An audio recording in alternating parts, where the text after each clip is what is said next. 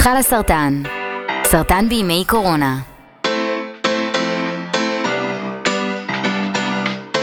אז שלום לכולם ולכולם וברוכים הבאים לפודקאסט המחלה של חלה סרטן.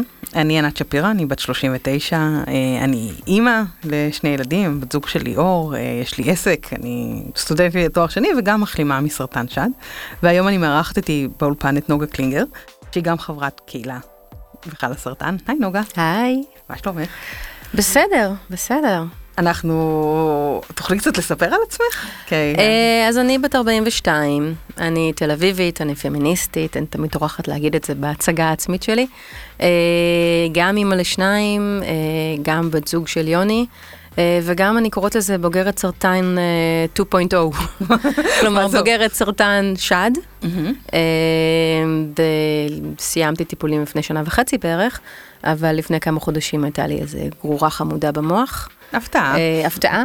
אז הייתה לי, היה לי ניתוח מוח ועוד כל מיני תהליכים, אז בעצם... אה, אה, כאילו הסיבוב הראשון לא היה מספיק. בעצם עברתי את כל ההתמודדות פעם שנייה. אז מבחינתי זה, אפילו שרפואית, תמיד הגרורה כנראה תמיד הייתה שם, זה לא כי הסרטן חזר רפואית, אבל ההתמודדות חזרה פעם שנייה. והפעם השנייה באתי אליה הרבה יותר מוכנה, אני חושבת.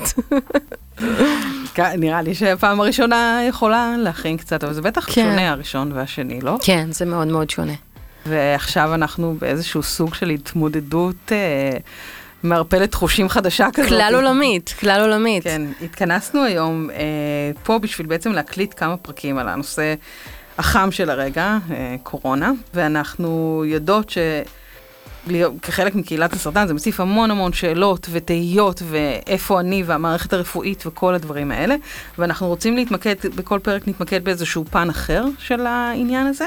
אמ, ולשם כך נארח את אה, דוקטור אה, מירב בן דוד שמנהלת מכון הקרינה באסותא רמת החייל. אה, אבל לפני זה רגע, נוגה, תספרי לנו קצת איפה הסיפור הזה תופס אותך. הקורונה? הקורונה. מבחינתי, אני, אני מרגישה שהעולם יישר איתי קו. כן? כלומר, אני כבר כמה חודשים בחופשת מחלה, אני, הבידוד הזה שמדברים עליו, גם ככה נמצאת בו. אה, ואז פשוט אה, כולם נכנסו הביתה, וכולם התכנסו הביתה. אז איזה מעולה. זאת אומרת, אה, כל הזמן הייתי באיזושהי רדיפה אחרי המציאות שממשיכה בלעדיי, ועכשיו המציאות הפסיקה, וכולם נכנסו לאיזה הדממה.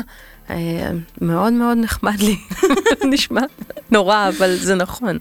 אפילו שאני באוכלוסיית סיכון, מסתבר, אפילו יחסית גבוהה, אבל בסדר, אני פשוט בבית. את לא יוצאת מהבית. כן, זה היה פחות או יותר היציאה היום. חוץ מהיציאה עכשיו שבאנו להקליט. הייתה יוצאת דופן לגמרי, אבל כן, אני לא יוצאת מהבית.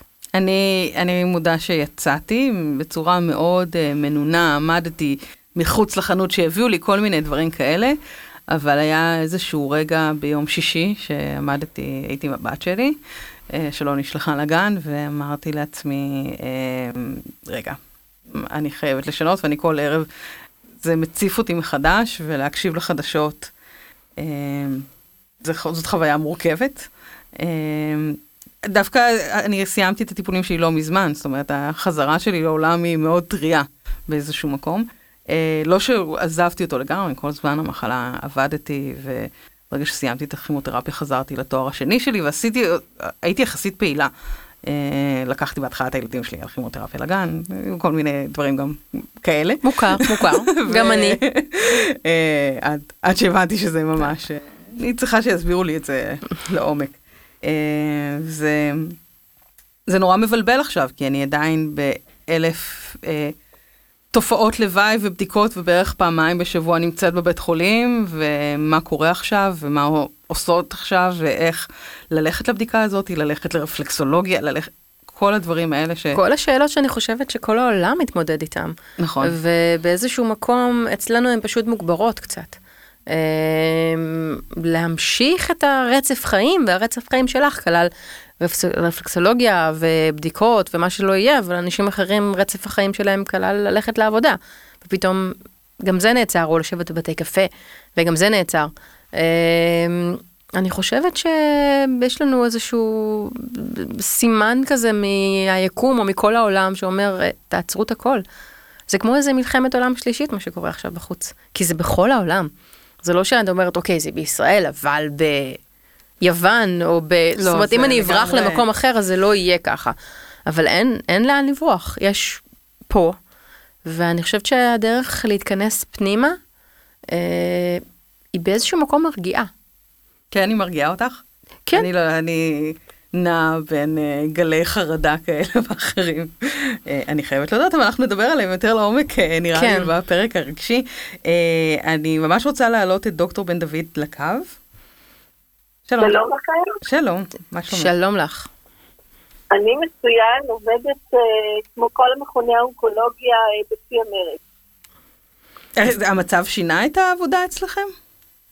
Uh, ממש לא, אנחנו אונקולוגיה זה מין משהו קדוש לחלוטין בעולם הרפואה, אנחנו לעולם לא נבטל אה, תורים של מטופלים חדשים. לפעמים אנחנו יכולים להזיז קצת תורים של אה, מטופלים אה, ותיקים או אנשים שהם רק בביקורת, אבל נדיר שאנחנו עושים את זה, נדיר. קרה לכם שמטופלים באו בבקשה לדחות או לחכות עם התורים שלהם או עם הביקורות שלהם? בהחלט. בהחלט. אני היום דיברתי עם כמה אנשים אה, שממש פחדו להגיע אלינו. אה, מן הצד השני, אה, עומדת העובדה שכדאי שנטפל בממירות שלהם. אז אה, אנחנו שוקלים כל מקרה לגופו, אם זה טיפול שיכול להידחות, אנחנו דוחים אותו.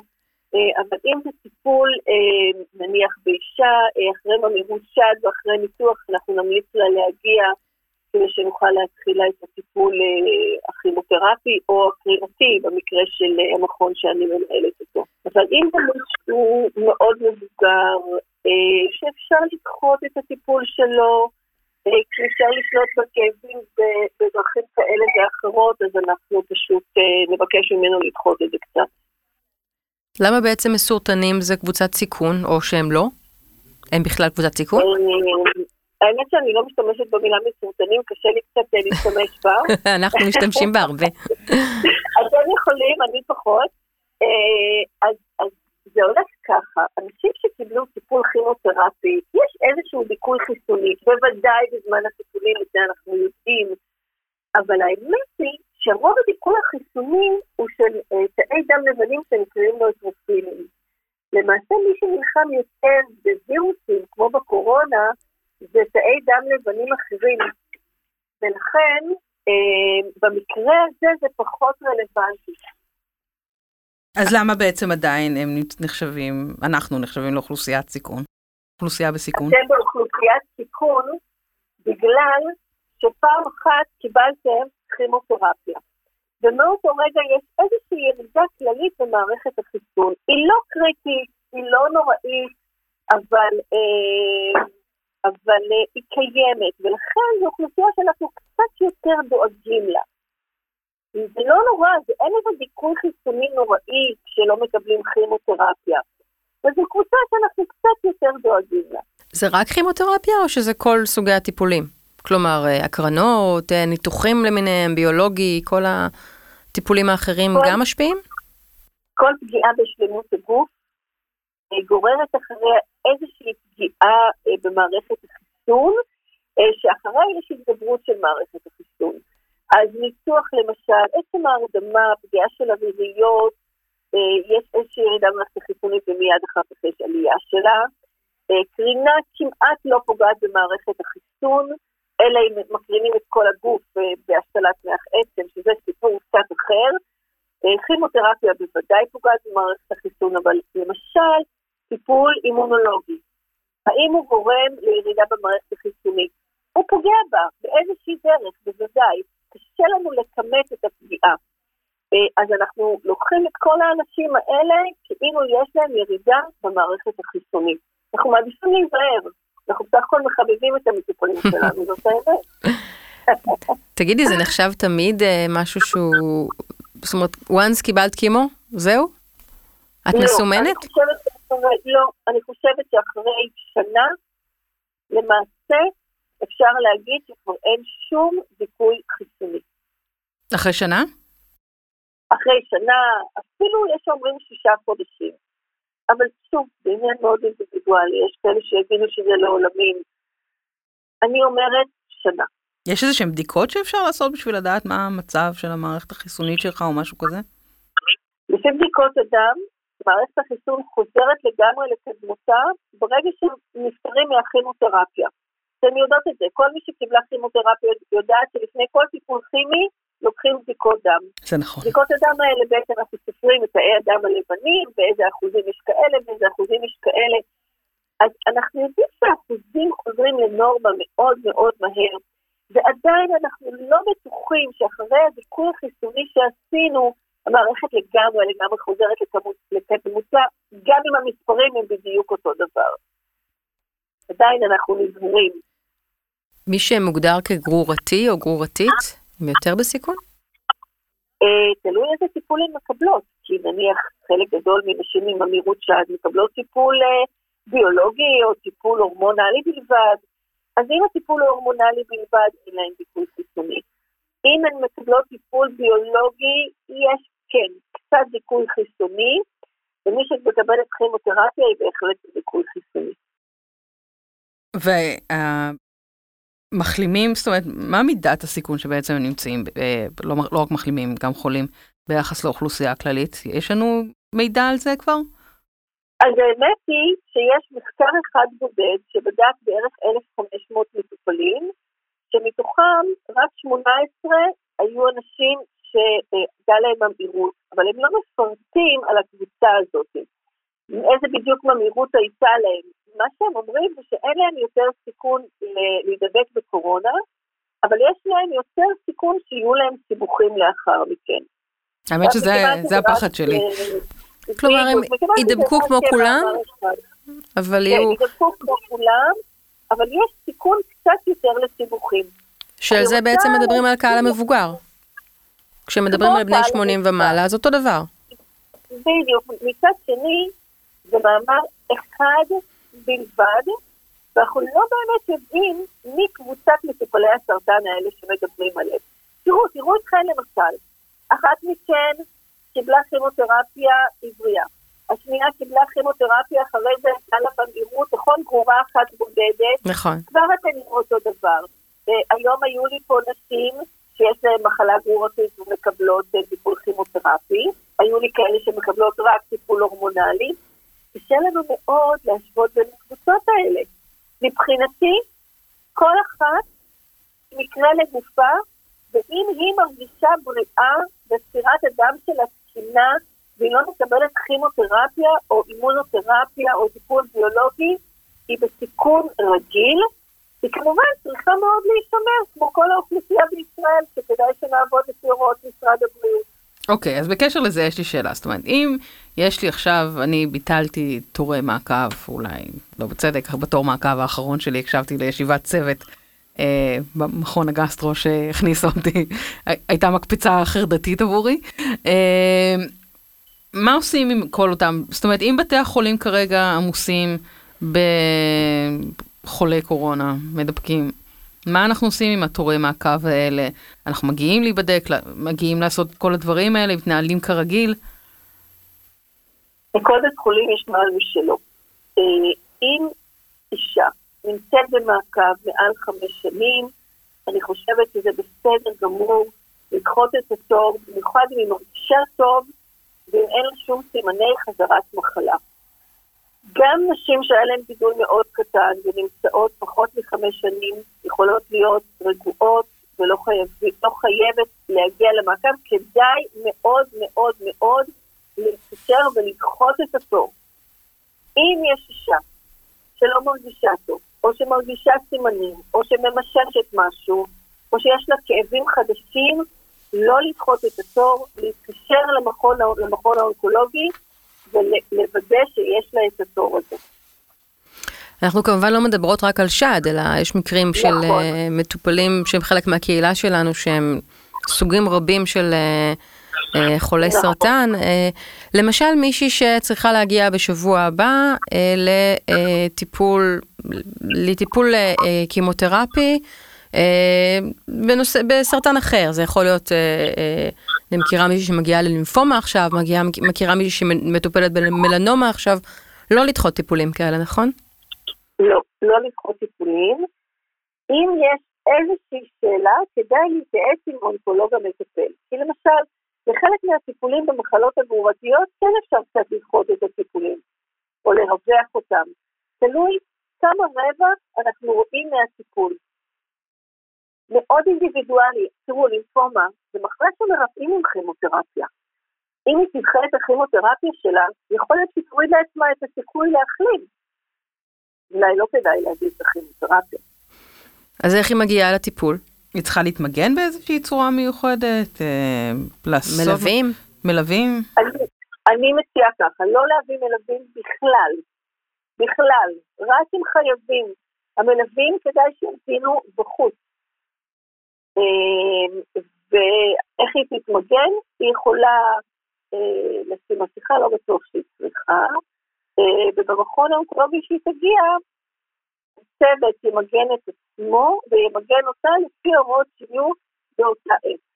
כרגע אנחנו מאוד מאוד מקפידים על רחצת ידיים, אה, ואם יש מישהו מהמטופלים שלנו עם סימנים של מחלת דרכי נשימה עליונות, אנחנו גם שמים מסכה.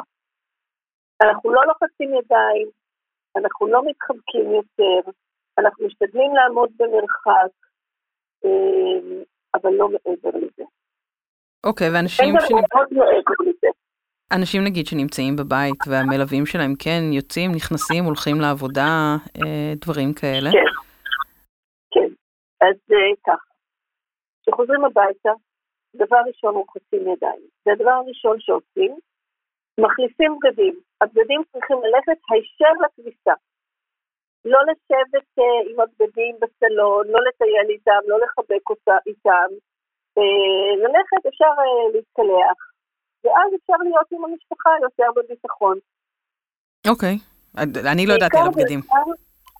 תראי, אנחנו מדברים על מגע, נכון? חוץ מאשר שזה עובר באקטי או ברוק בדרך זו או אחרת, זה עובר במגע. אז הקפדה יתרה על רחצת ידיים כ-30 שניות במים חמים וסבון, אפילו יותר הגיוני מאשר אלכוהול.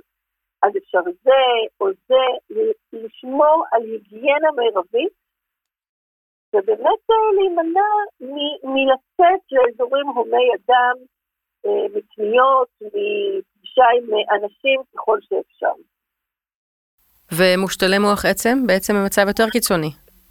נכון. מושתלי מוח עצם זה אוכלוסייה אחרת לחלוטין. זו אוכלוסייה שהיא בסיכון גבוה להרבה מאוד שנים, הם מקבלים, גם מקבלים תרופות נגד דחייה. הם בדיכוי חיסוני והם צריכים באמת אה, להישמר, אה, להיות בבידוד. כן. הם, הם צריכים כן. להיות בבידוד מלא? אה, אני לא יודעת אם בידוד מלא, כמו שאנחנו חושבים על מישהו שיש לו קורונה וצריך להיות בידוד מלא, אבל הם צריכים uh, להקפיד מאוד על uh, פגישה רק עם אנשים שהם מכירים, uh, לא אנשים ששהו בבתי חולים, לא אנשים ששהו במקומות הומי אדם, כן, להישמר על עצמם מאוד. אוקיי, okay, ויש לי עוד שאלה, כי כולנו יודעים שבזמן הטיפולים האקטיביים הרבה פעמים מרגישים לא טוב, חום עולה, כל מיני דברים כאלה. לאיפה מטופל או מטופלת כאלו צריכים להגיע? בדרך כלל מגיעים למיון האונקולוגי, אה, ואם הוא סגור, אז למיון הרגיל, מה שכרגע בטח לא מומלץ לעשות, מה, מה עושה, מה עושה מטופל שעלה לו חום ל-39? אז א', 39 זה חום מאוד גבוה. בחולה שמטופל אונקולוגית, זה סימן שצריך מיד איזושהי השגחה רפואית ובדיקות דם. אם המיון האונקולוגי סגור, מיד למיון, אין שאלה. למיון, למוקד, לאיזשהו מקום רפואי. היום רוב המטופלים האונקולוגיים מקבלים uh, טיפול תומך במטרה שלא uh, תהיה ירידה קיצונית בספירת הדם. אבל אם יש חום כזה גבוה, מיד למיון. בוודאי אם יש צמרמורת, אם יש בלבול, זה מקרה שלא מחכים איתו ואין פה מה להתלבט. אוקיי. החכמנו. ממש. יופי, אני שמחה שדיברת איתי. אנחנו גם מאוד מאוד שמחות. אנחנו אה, שמחות שדיברת איתנו. מעריכות מאוד את הזמן שהקצבת עבורנו ועבור כל מי שמקשיב לפודקאסט הזה. המון המון תודה. בשמחה, ושתהיה לכולנו הרבה הרבה בריאות ושיגמר כבר הקורונה הזה גם. כן, אמן. בהחלט. להתראות לכם. תודה לך. תודה. ביי ביי. האמת שאני, הקושי הגדול שלי זה שאני, אם אפילו בסרטן, בהבחנה של הסרטן, אה, אני אתעלם כזה מהכמה שבועות של בין ההבחנה לפרוגנוזה. אמרתי, אוקיי, הסרטן שלי הוא אגרסיבי, אבל יש לו טיפול, יש לי 90 אחוז, אחוז, זאת אומרת, היה איזשהו משהו מסוים שעזר לי להיות פרגמטית, אבל אה, אופטימית, וידעתי שאני יכולה להתמודד עם זה. ודווקא עכשיו, אה, שזאת כאילו, זה האישו שלי, אני לא יודעת איך הגוף שלי ידע להתמודד עם זה. ואני קוראת כל מיני קבוצות וואטסאפ של חברים וכל מיני דברים כאלה, והם כולם כאילו מדברים על כמה זה בקטנה, וזה לא בקטנה מבחינתי. קודם כל זה לא בקטנה. זה לא בקטנה לא, לדעתי כאילו לאף בק- אחד. אבל אני חושבת שהדבר העיקרי זה באיזשהו מקום להבין שיש כאן אי ודאות. נכון. וזה נורא קשה. האי ודאות היא קשה נורא, אה, ואני חושבת שאותי לפחות, אני לפחות מרגישה שהתמודדתי פעמיים עם האי ודאות, ואת זה אני יכולה, אני לא יודעת אם ללמד, אבל את זה, אני, אני יודעת איך עושים את זה. אני יודעת איך חיים בכאן ועכשיו ואומרים, אני לא יודעת מה יהיה מחר. וכנ"ל לגבי הקורונה. זאת אומרת, אה, אם היה לנו מוזיקה בפודקאסט הזה, היינו שמה, הייתי שמה עכשיו את אה, אה, מה שיהיה יהיה של התקווה 6, ואומרת, אין לנו יד בזה, כאילו, הכל יהיה בסדר, או שלא. אבל כרגע, להיות בחרדה מזה, מה זה יעזור? זה לא תמיד נשלט. מה, זהו. אבל נמשיך לדבר על זה נראה לי בפרק הבא. המון המון תודה נוגה. בשמחה. ביי. ביי.